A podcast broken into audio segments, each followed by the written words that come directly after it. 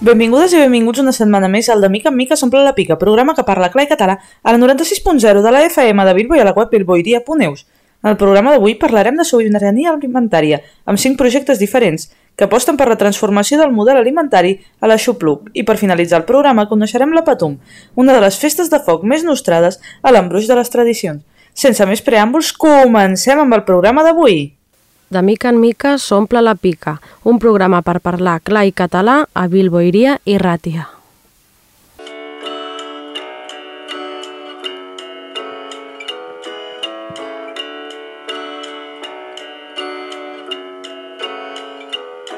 El sistema alimentari actual ens permet un accés barat i còmode a tot tipus de productes, encara que som conscients dels impactes que aquest consum provoca, mengem aliments processats en excés, fruites i verdures fora de temporada i que venen de l'altra punta del planeta i molt possiblement han estat produïdes per mitjà d'explotació laboral.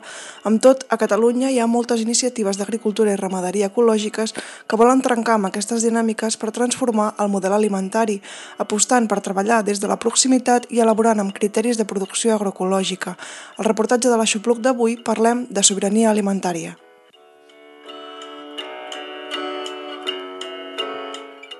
Avui obrim un espai per conèixer cinc projectes que promouen un consum conscient, de proximitat i que valori el territori, cinc iniciatives que desenvolupen una tasca fonamental en la producció conscient i arrelada a la terra. La Safranòria és una associació dedicada a la conservació i promoció de varietats tradicionals del Priorat. Van decidir continuar el projecte de recuperació de varietats iniciat al Parc Natural del Montseny. En Michael Selwood explica què fan a la seva associació. Fem planter, el repartim entre els socis i les varietats de grana, doncs repartim grana entre els socis perquè eh, aquests puguin primer, gaudir de les varietats aquestes que tenen unes qualitats organolèptiques considerables, no? Mi, molt millor que la majoria de les varietats tradicionals, que varietats comercials que existeixen avui en dia, i que facin un retorn d'una part de la llavor que fan, i per això els expliquem com ho han de fer i com ens han de portar per tal d'anar assegurant que el banc tingui els recursos per poder continuar fent el mateix. Menjamiques és un projecte gastronobotànic de Bràfim, a Camp, que té com a objectiu la recuperació gastronòmica de la garrofa. Han publicat un llibre titulat Garrofa, delícia mediterrània, amb 35 receptes que es poden fer amb aquesta llegum. La Clara Martín explica quines tasques fan al projecte.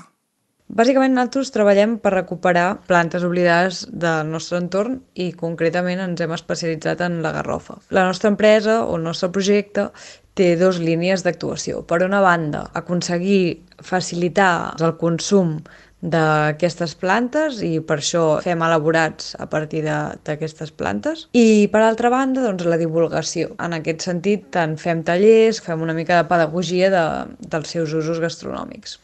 Mas Estrac és una granja familiar situada a Fornells de la Selva, al Gironès, on tenen cura de 1.200 gallines que produeixen ous ecològics. En Gerard Prat explica quins són els principis del seu projecte. El projecte de Mas Estrac és un projecte familiar d'una granja d'ous ecològics i també produïm verdures ecològiques i conreus extensius. Nosaltres apostem per la venda de proximitat en els comerços locals i sobretot per la venda directa de consumidor, perquè pensem que s'ha de tendir cap a aquest aspecte i que és on podem valorar més els nostres productes. Espigoladors és una empresa social del Prat de Llobregat que lluita contra les pèrdues i el malbaratament alimentari empoderant a col·lectius en risc d'exclusió social. L'Anna Gras explica quins són els principals objectius d'Espigoladors. Espigoladors som una entitat sense ànim de lucre amb un triple objectiu.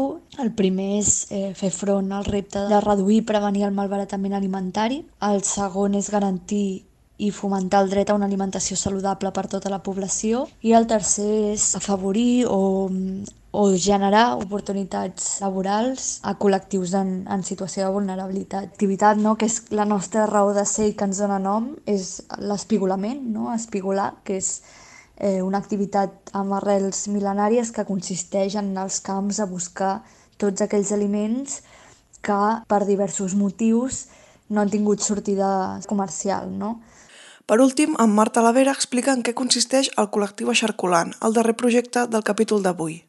El col·lectiu Aixarculant és un projecte, un moviment, que el que pretenem és recuperar les plantes oblidades, aquelles plantes silvestres comestibles i també varietats agrícoles tradicionals, que s'havien fet servir des de sempre, des de fa molts segles, però que ara mateix doncs, tenim en desús, tenim arraconades i que són una eina imprescindible per ajudar a canviar el model agroalimentari, és a dir, tot allò que hi ha darrere dels aliments que ens fiquem davant de taula per aconseguir que sigui un model més sostenible, més just, més ètic i que no comprometi el futur de tots i totes. Des del col·lectiu Eixarculant treballem per donar a conèixer i reivindicar aquestes plantes oblidades, popularment anomenades males herbes, que arreu del món n'hi ha moltíssimes i a la península ibèrica, o si fiquem el cas concret dels països catalans, estem parlant de més de 500 espècies silvestres comestibles que ens podríem menjar i més de 10.000 varietats agrícoles tradicionals que antigament s'havien plantat als camps que estan molt ben adaptades al territori i que també podríem tornar a consumir. I comencem parlant de sobirania alimentària, el tema central del programa d'avui, que es defineix com el dret dels pobles a decidir el seu propi sistema alimentari i productiu i a tenir al seu abast aliments accessibles, produïts de forma sostenible i ecològica. La sobirania alimentària, per mi, és assegurar o fer assegurar de que ens puguem alimentar correctament amb els recursos naturals que tenim al voltant. Bàsicament és imprescindible. No té sentit que consumim coses que venen de l'altra punta del món i que el que produïm aquí ho exportem a l'altra punta del món. Per tant, per mi la sobirania alimentària vindria a ser llibertat i a la vegada responsabilitat no? de què produïm i què consumim. Per mi, la sobirania alimentària és la capacitat real de produir aliments suficients en un territori per al conjunt de la població que viu en aquest territori, sense dependre de compres externes o reduir les compres externes a la mínima expressió, diguéssim. És uh, el dret dels pobles de poder decidir la seva alimentació.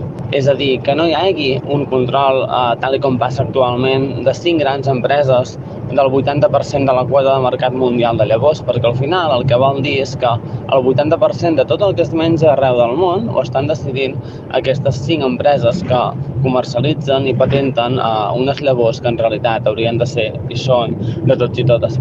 Nosaltres aquesta pèrdua de la sobirania alimentària no? i com afecta als territoris. Ho veiem, per exemple, amb una precarització no, de l'activitat agrària. Nosaltres moltes vegades anem a espigolar aliments que estan en perfecte estat, simplement doncs, no tenen sortida comercial perquè el productor o productora del camp no ha trobat compradors a un preu just per a aquell producte.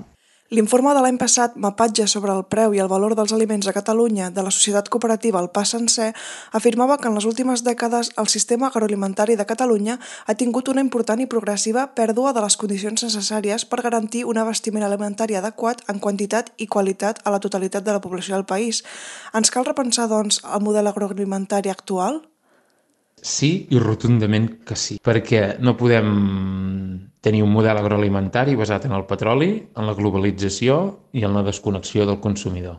Per exemple, tots els inputs que venen en vaixell des de l'altra punta de món fins a Catalunya per poder alimentar el bestiar o les persones, crec que podrien ser substituïts o eliminats de la nostra dieta i així contribuiríem a la lluita contra l'emergència climàtica que tenim aquí sobre i que sembla que no ens n'adonem.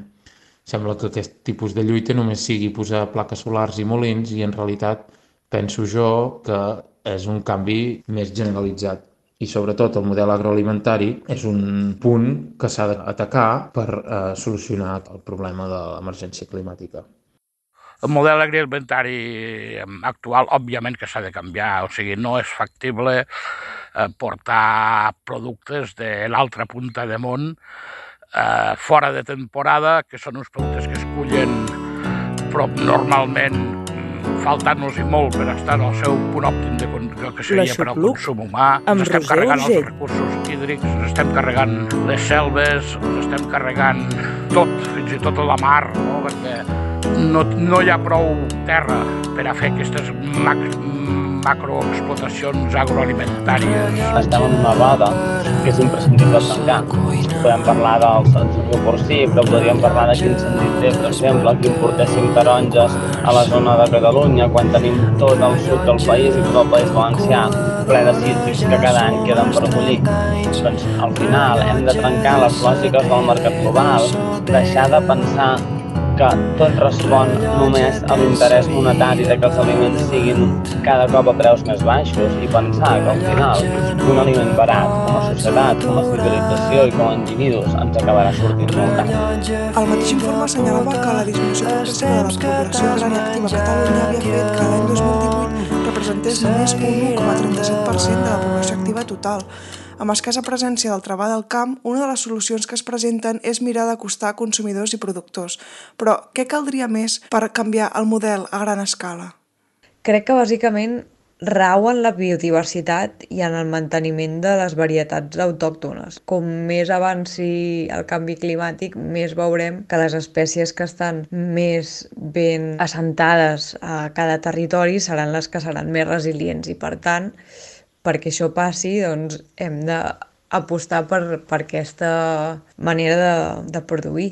I a la vegada crec que també passa necessàriament perquè tinguem en compte doncs, una mirada més agroecològica. Per canviar la indústria a gran escala ens hem de conscienciar, ens hem de conscienciar que una pera val el que sigui i que si aquest preu d'aquesta pera, d'aquest litre d'oli d'oliva, mm, d'aquest enciam està per sota d'aquest cost mm, o sota d'aquest preu, aquí falla alguna cosa. O sigui, si un enciam costa un euro per produir, el que no pot ser és que estigui a la botiga a euro i deu. O sigui, el primer que ens hem de conscienciar és que això té un preu. El que ens falta per canviar el model més a gran escala és el coneixement del consumidor respecte al que la seva alimentació. Un dels aspectes més importants d'aquesta desconnexió i coneixement hauria de ser saber què hi ha cada temporada durant l'any i en el teu territori. Jo sé, per exemple, que a la tardor hi tenim magranes i, per tant, el, a les amanides de mes de maig no se m'acudirà posar magranes, per molt que em pugui trobar al mercat o, o al supermercat però hi ha una gran part de la població que al fer molts anys que no tenen contacte amb el camp ni amb gent del camp, desconeixen aquests, aquests tempos, aquests cicles vitals de la natura i de les plantes i sembla que vulguin tenir tots els productes durant tot l'any i a un preu molt barat. I això és l'error més gros del model a gran escala. Les organitzacions, projectes i col·lectius que lluiten per crear un model alimentari de proximitat i conscient amb el que ens envolta són claus pels temps que vindran. Cadascun d'ells desenvolupa una tasca imprescindible per canviar les coses. Des de Circulant, una miqueta el que intentem, eh, des de la, la nostra limitada capacitat d'actuació, sent conscients que portarem un petit granet de sorra, però que al final molts granets de sorra fan una platja, per entendre'ns, és intentar explicar que aquesta opció, que són les plantes oblidades, existeix, que no és quelcom futurista, que no és quelcom que hagi de ser marginal, sinó que és quelcom que pot ser transversal i que evidentment ha d'anar associat a no només recuperem les plantes oblidades, sinó transformem la manera que tenim de cultivar, comercialitzar i consumir aquestes plantes oblidades.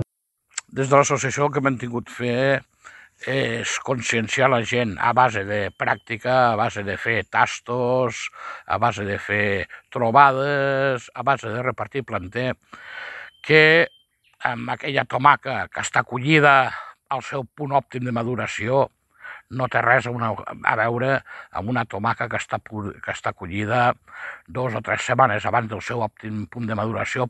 Des de Mas Estrac batallem i lluitem perquè la gent sigui conscient del que tenim en cada moment de l'any. Quan venc les verdures aquí, tinc el que tinc, el que puc produir i no faig compres a l'exterior. Crec que des d'aquí de Mas Estrac fem la tasca més dura que ens toca fer tots els productors que venem directe a consumidor, que és la conscienciació. Des de Menjamiques contribuïm en aquest canvi de model tant fent divulgació doncs, de totes aquestes plantes que tenim al nostre abast i que moltes vegades no, no sabem que són comestibles a través de tallers, com sobretot ens hem centrat en, en l'elaboració de productes, no? que al final és tots en el dia a dia anem matabarats i, i pots tenir molt bones intencions, però al final, quan arribes cansat a casa, el que vols és coses fàcils. Una mica també les nostres elaboracions van en aquest sentit perquè consumir cacau, que és un cultiu que no és d'aquí, que no és sostenible, que a més les condicions laborals que es treballa doncs, són molt obscures. Doncs per què no consumir, en canvi, un producte local d'aquí i que ens podem produir nosaltres mateixos a casa, no? Fer un consum responsable és una forma de posar consciència social. Entre altres coses, es pot evitar el malbaratament d'aliments o comprar de manera que tinguem el menor impacte ambiental possible. La gent està conscienciada de la importància que té l'alimentació? No la consideren com una forma més de reivindicació en la nostra vida?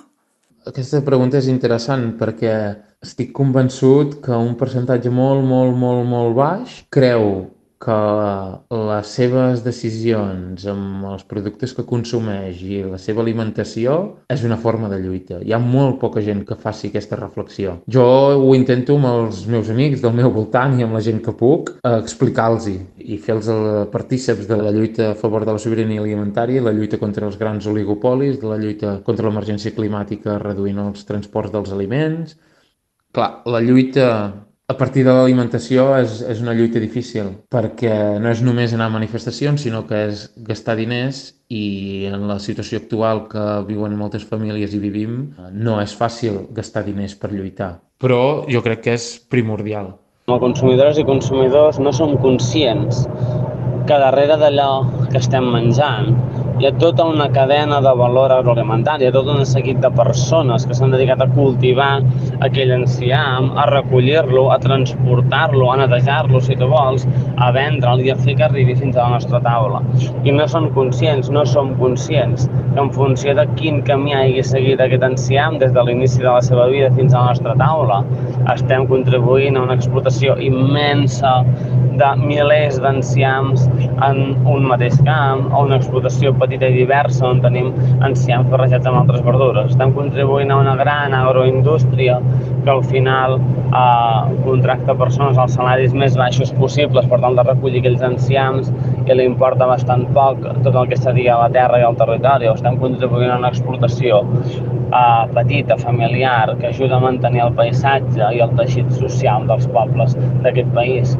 Doncs la veritat és que crec que cada cop més la gent està més conscienciada de la importància de l'alimentació en les seves vides, sobretot també jo crec que molt gràcies també a, a, als vegans, com a aquest reclam de dir, ostres, hauríem de disminuir molt fortament el consum de proteïna animal. T'agradi o no, però és una cosa que s'ha posat damunt del debat públic que fins ara no se'n parlava i que això ha fet, jo crec que molta gent també replantegi què menja. Crec que encara queda molt camí per recórrer en el sentit de que només ens plantegem si animals sí o animals no. Aquesta és la sensació que jo tinc, eh? si més no com de, per xarxes socials. I en canvi no ens plantegem si consumim productes de temporada o no, perquè no? Vull dir, crec que com que estem com molt desconnectats també de la temporalitat de les coses i que al final el que ens fa connectar amb la natura són els cicles naturals, com, com bé diu la paraula, com que ens han com anat desconnectant i que tothom, o tinc la sensació que molta gent té la sensació que hi ha tot, tot l'any i això en veritat no és així.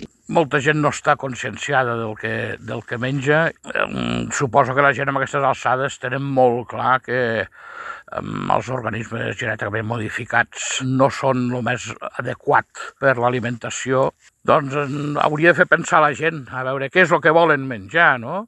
Si volen menjar una cosa que a poder ser s'intervé el menys possible amb el tema fertilitzants, però òbviament que s'ha de fertilitzar si has, has de collir, no? has de tenir una producció mínima per poder tirar endavant. I jo crec que hi ha molt poca consciència avui en dia i que és un tema de reivindicació totalment. O sigui, la gent ha de reivindicar que tenen dret a menjar coses dignes. Abans d'acabar aquest últim capítol de l'Aixopluc de la temporada, els protagonistes d'avui comenten quins consells donarien a algú que encara no coneix el món del consum responsable i de la sobirania alimentària, però que potser s'hi vol introduir.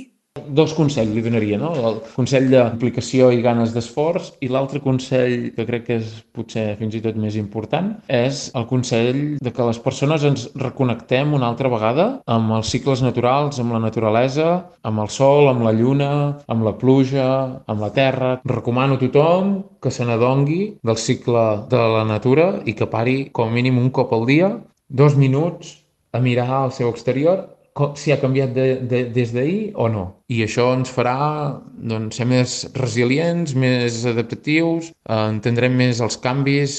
Si té xarxes socials, començar a seguir el col·lectiu Eixarculant, que per exemple fan superbona feina, Fleca l'Aresta també, que és una cooperativa en què treballen molt doncs, en diferents àmbits, no? no només en l'elaboració de productes de forn i pastisseria amb farines de varietats antigues i locals, sinó que també tenen doncs, tot el que és tallers pedagògics, tant en escoles com per adults, i fan superbona feina en aquest sentit, així que ho recomanaria molt. I si no, si sou més de llegir, doncs recomanaria un llibre que l'autor es diu Michael Pollan, si no recordo malament, que es diu El detectiu en el supermercat. Crec que és molt interessant perquè dona com unes quantes pinzellades molt bàsiques i molt clares de com començar a fer aquest canvi, no? El principal consell que puc donar a la gent que vulgui introduir-se en aquest món és que quan vagin a comprar demanin la procedència. Què és allò? D'on ve allò? Quina varietat és allò? S'ha collit aquí? S'ha collit fora? Quant temps porta dins de la càmera? Hi ha molts temes d'aquests que tu vas al mercat avui en dia i veus tomaca. Ni, clar, si passes per allà i no sents olor tomaca, la tomaca molt bona no pot ser. Alguna persona que desitgi introduir-se en aquest món, introduir petits canvis en la seva alimentació, en el seu model de consum, primer de tot li diria que gràcies i que benvingut o benvinguda, que tots i totes som necessaris, que només que com més serem, si som molts, si som tots, podrem aconseguir realment canviar les coses. I també li diria que no ens hem d'estressar ni ens hem de frustrar perquè hi ha una frase que és molt certa, que és molt vàlida, que és que qui no té contradiccions vol dir que no té ideals. Hem de ser conscients de la realitat i el marc en el qual ens movem i saber quina és l'utopia per tal de somiar i treballar cada dia per arribar-hi, però saber quina és la realitat que tenim i per tant no fustigar-nos per dir no ho faig prou bé, això encara no ho compro allà no hauria de comprar o no puc trobar un lloc on em venguin ortigues, perquè realment a vegades les possibilitats que tenim perquè a part tenim una vida social, familiar, una realitat econòmica diversa i a vegades complexa, ens imposen un seguit de limitants. I dintre del nostre terreny de joc, el que podem fer és cada dia, cada mes, fixar-nos uns petits passos, uns petits passets per avançar, perquè cada mes sigui millor que l'anterior, perquè cada vegada, cada mes, el nostre impacte darrere d'allò que consumim sigui una mica millor i cada cop sigui menys extractivista i menys perjudicial.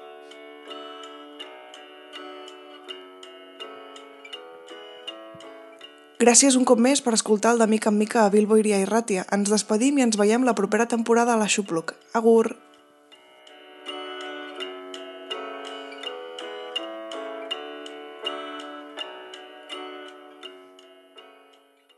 De mica en mica s'omple la pica, argi eta katalanez hitz egiteko saioa Bilbo Iria irratian.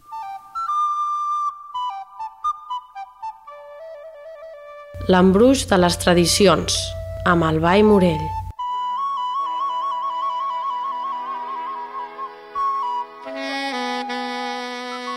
Una de les activitats cristianes més conegudes i nostrades del territori català és, sens dubte, la de Corpus.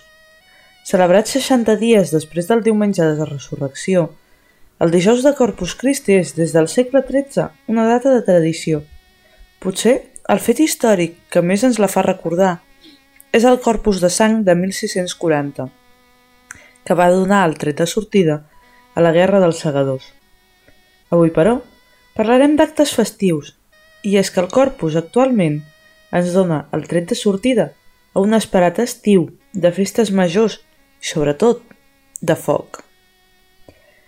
Alguna de les festes més destacades d'aquesta data mòbil les, són les enramades d'arbúcies i de sallent, les catifes de flors de Sitges i la Garriga, i la tradició de l'Aucomballa a diverses poblacions de Catalunya, o la festa de Corpus de Solsona, però sobretot la Patum de Berga. La Patum, declarada obra mestra del Patrimoni Oral Immaterial de la Humanitat per la UNESCO l'any 2005, representa, amb l'ús de danses, escenificacions i petards, l'enfrontament entre moros i cristians. En els seus inicis, fa més de 600 anys, es feien processons i es representava un seguit d'entremesos representacions per a teatrals, algunes d'elles de caràcter pagà reinterpretades per la jerarquia catòlica, que al llarg dels segles han mantingut l'essència fent que la comunitat que l'ha preservat la senti com alguna cosa més que una simple festa o un acte religiós. Avui en dia, realment la Patum no comença per Corpus. Comença tres setmanes abans, el diumenge de l'Ascensió, en què es fa un ple extraordinari de l'Ajuntament on es decideix de forma oficial si l'any en qüestió se celebrarà Patum o no. En cas afirmatiu, els músics interpreten el ball de l'àliga i el tabal surt pels carrers i places de Berga anunciant la resolució del consistori. Aquest any ha sigut molt especial, ja que se celebraven els 400 anys de la comparsa del Tabal. El segon acte és el diumenge immediatament anterior a Corpus, el diumenge de la Santíssima Trinitat, també anomenat Diada dels Quatre Fuets, que aquest nom l'obté dels petards utilitzats. I és que és el dia de comprovar la qualitat de la pólvora obtinguda, fent dos salts de masses, el que en altres llocs coneixem com a Ball de Diables. A més a més, amb la fundació l'any 2013 dels Castellers de Berga, es va decidir aprofitar el dia per fer una jornada castellera i que el col·lectiu casteller tingués, també, el seu espai dintre de les festivitats de Patum. Ja acabat aquests actes previs, la Patum, com a tal, comença el dia abans de Corpus, dimecres al migdia, amb la passada convidant a la festa. Les passades són els diferents trajectes que fan pels carrers del nucli antic de la ciutat alguns elements de la comparseria de la Patum, acompanyats en tot moment per una multitud de gent i amb parades fixades per tal de fer algun salt, ball o dansa. A part, a part d'aquesta primera passada el dimecres al migdia, el mateix dia, a les 8 del vespre, es fa la passada per les autoritats locals i aquesta es repeteix el dissabte de la mateixa setmana. La primera passada al tabaler, amb el seu enorme tabal original documentat des de 1626 i reconstruït el 1726, i els quatre gegants recorren els mateixos carrers i places que el Tabal el dia de l'Ascensió per donar el tret de sortir de les festes i convidar la població a participar-hi. L'itinerari s'ha mantingut pràcticament invariable, com a mínim, des del segle XVIII. És molt possible que aquesta passada marqui el recorregut tradicional dissenyat durant els últims segles de l'edat mitjana. A les altres dues passades, les del dimecres i dissabte al vespre, hi participen el tabal, les masses, les guites i els gegants vells. El recorregut és diferent que el del matí, i és que es fa una ballada d'honor a les autoritats locals, anant-los a buscar a casa seva pels diversos carrers i places de la ciutat, sempre dins del límit del nucli antic, evidentment. I davant els seus domicilis es representa l'esmentat ball. El trajecte d'aquesta passada varia com a mínim cada quatre anys en canviar els regidors que formen part del consistori. La passada del dissabte és com la del dimecres, però amb la diferència que les actuacions de les comparses es fan a les places del nucli antic i en comptes d'anar a les cases dels regidors, es fa davant el domicili dels administradors d'aquell any. Aquest itinerari varia anualment perquè cada any els administradors són quatre parelles diferents, escollides entre les que s'han casat entre l'anterior Patum i la celebrada l'any de vigència.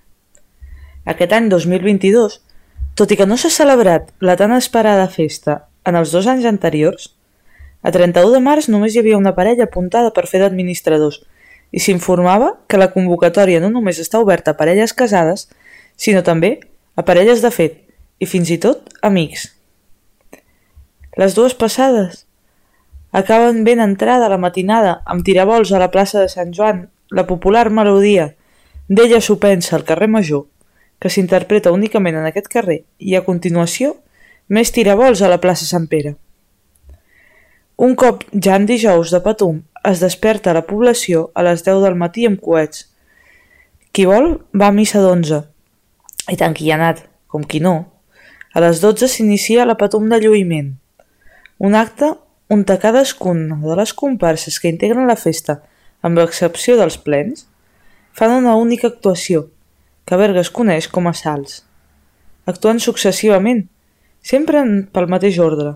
Els turcs i cavallets, les masses, les guites, l'àliga, els nans vells, els gegants i els nans nous. I per acabar, hi ha tirabols. No és fins a dos quarts de deu del vespre tant del dijous com del diumenge, que realitza l'anomenada Patum completa. En aquesta hi participen els mateixos entremesos que el de matí, però en comptes de fer-hi només una actuació, en fan quatre. Després de la segona i la quarta actuació tenen lloc els plens i al final torna a haver-hi tirabols que no han aparegut en les tres primeres rondes d'actuació. El divendres de Corpus es repeteixen els actes i les actuacions, però en figures més petites, ja que el que es du a terme és la patum infantil. També tenen dret a disfrutar de la festa i, sincerament, si algun cop heu estat a la patum, no fan falta explicacions, però si no hi heu estat, passa una cosa similar a la plaça consistorial d'Irunya, allà on es fa el xupinazo de Sant Fermín. La tele amplia les places la plaça d'Irunya sembla enorme i és el mateix que li passa a la plaça de Berga. És molt més petita del que sembla en vídeo. Ningú se li acudeix portar criatures a cap de les dues activitats. Podria ser perillós. És per això que la mainada té les seves pròpies activitats a la plaça de Sant Pere amb les mateixes figures que els adults, però de mida més reduïda. Amb les activitats explicades, probablement us hauran quedat dubtes molts noms estranys. Potser que expliquem una mica els personatges que hem anomenat però no descrit. El que sí que hem comentat així per sobre és el tabal. Un tambor de grans dimensions i 18 quilos de pes, format per una carcassa circular de fusta que està tapada pels dos extrems amb pell de cabra, a la part superior del qual el tabaler colpeja amb dues manetes de fusta per tal de fer-lo sonar. Als costats, unes cordes i uns tensors permeten ajustar-lo i donar-li el so greu que el caracteritza. És un dels elements originaris de la patum, documentat des de 1626. Justament, cent anys després, l'any 1726, l'Ajuntament es va fer construir un de nou. El tabal és l'únic element de la patum que participa en tots i cadascun dels actes de la festa. La seva presència és constant i podríem dir que presideix i dirigeix la festa. Aquest fet era més accentuat en el passat, sobretot fins que a final del segle XIX es van començar a introduir peces musicals que van anar desplaçant notablement el protagonisme del tabal.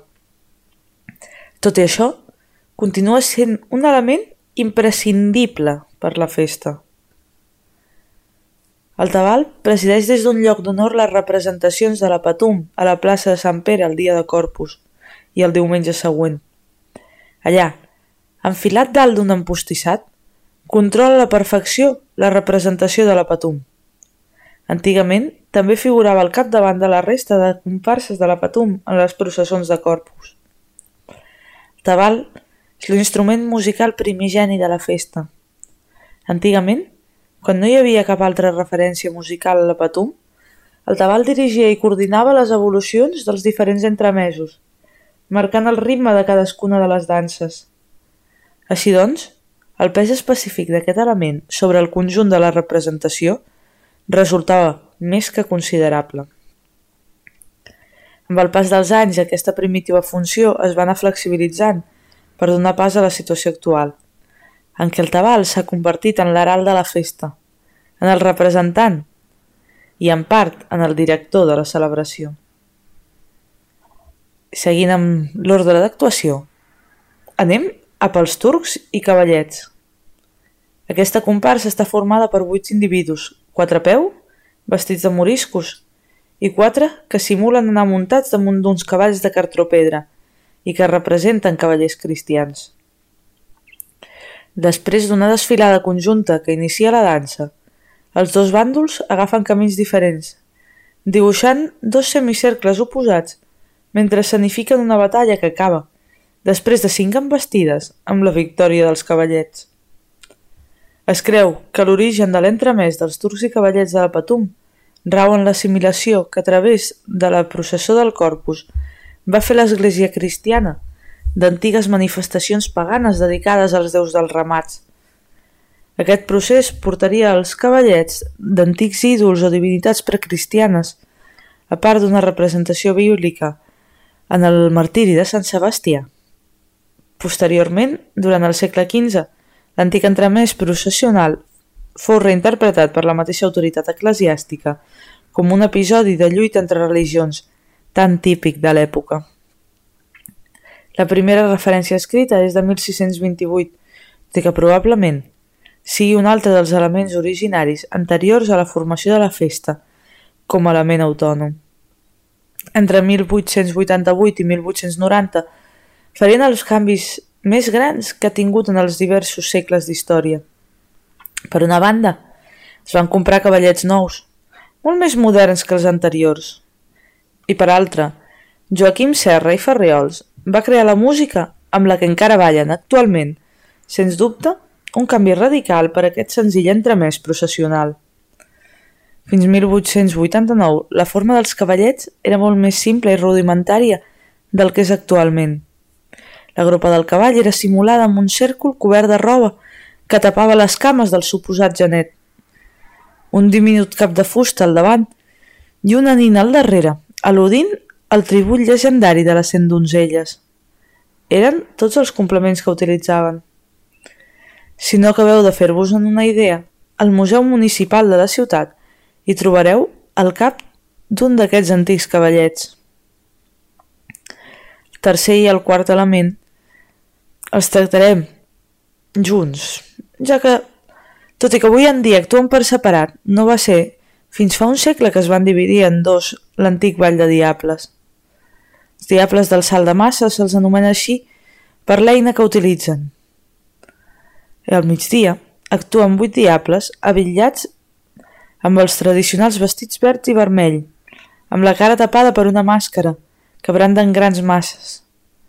Uns estris consistents en un pal de més de dos metres d'alçada, al capdamunt del qual hi ha una caixa rodona de fusta i pell que va rematada amb un coet i que s'entrecreuen a partir dels dos grups oposats de quatre diables cadascun.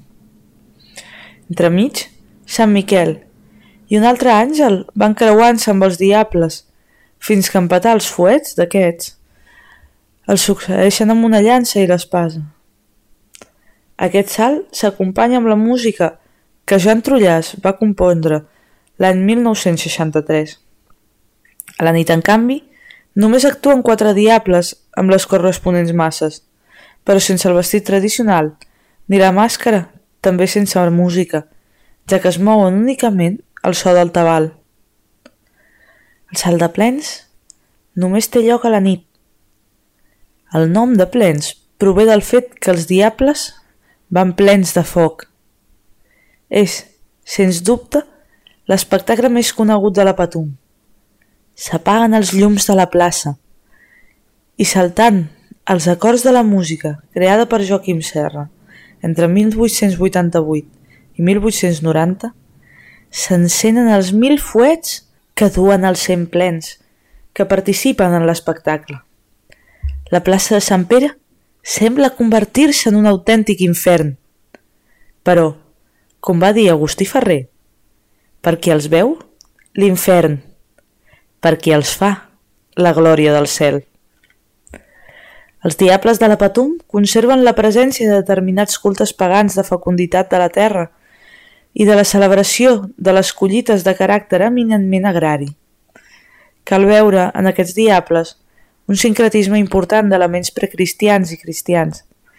Serien antigues divinitats vegetals o restes d'alguna cerimònia relacionada amb divinitats agrícoles, convenientment passades pel sedàs moralitzador de la religió. Igual que els turcs i els cavallets, la primera referència als diables és de 1628 i igual que en l'anterior cas, es creu que aquest personatge és molt anterior a aquesta data i fins i tot a la institució del Corpus Christi. L'any 1994 es va arribar a l'acord de limitar a 100 el nombre de plens per cada salt, ja que s'havien anat multiplicant tant en l'últim segle que es va considerar excessiu. El següent element són les guites, unes carcasses zoomòrfiques amb cos de mula, coll de girafa i un cap semblant al d'un drac. Es desconeix quina devia ser la significació d'aquest antic entremès a la processó del corpus medieval, per bé que la Patum se l'ha identificat de forma genèrica amb el mal, l'infern i les forces malignes.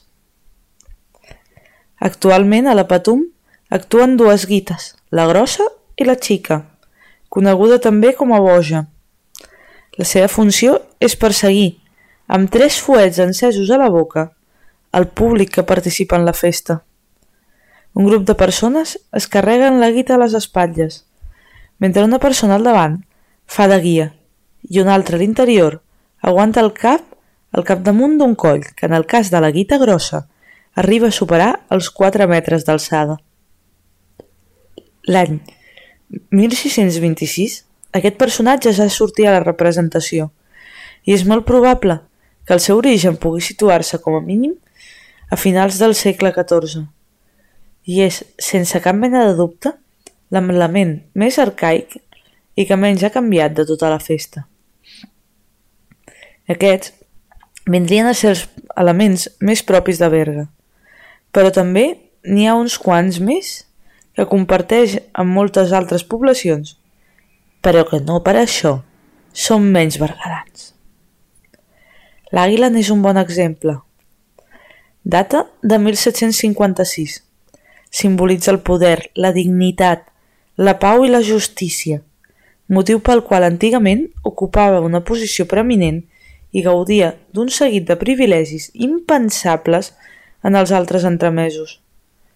Li era permès de ballar al presbiteri de l'església i moltes vegades figurava la processó immediatament davant la custòdia. De fet, aquesta àliga de grans dimensions amb el cap senyit per una corona comtal, amb les ales plegades i un bec obert, on porta branques de lloguer, olivera i clavells, és la figura que executa el ball amb més valor coreogràfic i musical de tota la Patum. Els que també ballen són els nans, tant els vells com els nous.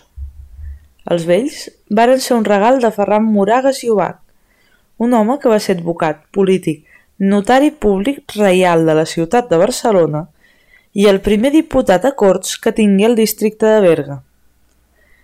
Aquests nans representen a quatre homes, que porten barret de tres puntes i llargues perruques recollides al darrere amb un llaç, segons el costum de l'època. Van avillats amb bates blaves i vermelles i ballen tocant les castanyoles. Van actuar durant 28 anys, fins que el 1881 estaven tan deteriorats que l'Ajuntament, en no poder permetre reparar-los, va decidir retirar-los. Nou anys més tard, en ple procés de potenciació de la Patum, van plantejar-se recuperar-los, però al final van decidir comprar capgrossos nous. Però al final, dos anys després, es va decidir restaurar-los i des de llavors, vells i nous van compartir escenari, fins que el 1907 es van retirar els nous pel mateix motiu que s'havien retirat els antics, fins que, més d'una dècada més tard, es van reincorporar a les festes per pressió popular. I de nans, passem a gegants. Aquí també tenim nous i vells. Tots quatre representen serraïns i executen un vals. Tot i que de gegants n'hi ha referència des de 1472, els gegants vells no apareixen a la vila fins al 1866 i deu anys més tard els vesteixen de serraïns per seguir la moda imperant a tot l'estat després de la victòria espanyola de la Guerra d'Àfrica. I el 1891 el consistori decideix ampliar la família i adquirir els gegants nous que en els següents cinc anys s'aniran posant cada cop més morenos fins a tenir tot l'aspecte de moriscos. I finalment, el tirabol, el punt final de la patum, el salt més participatiu de tots. Aquest ball final, que antigament es coneixia com a tirabou, és un tipus de contrapàs llarg que a la patum pren forma musical de dansa tradicional, balsos, jotes i un pas doble, i que segurament es balla des dels inicis de la festa.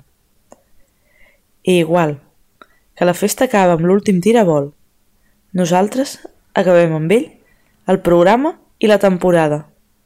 Bona nit i que visqueu unes bones i segures festes tot el que queda d'estiu.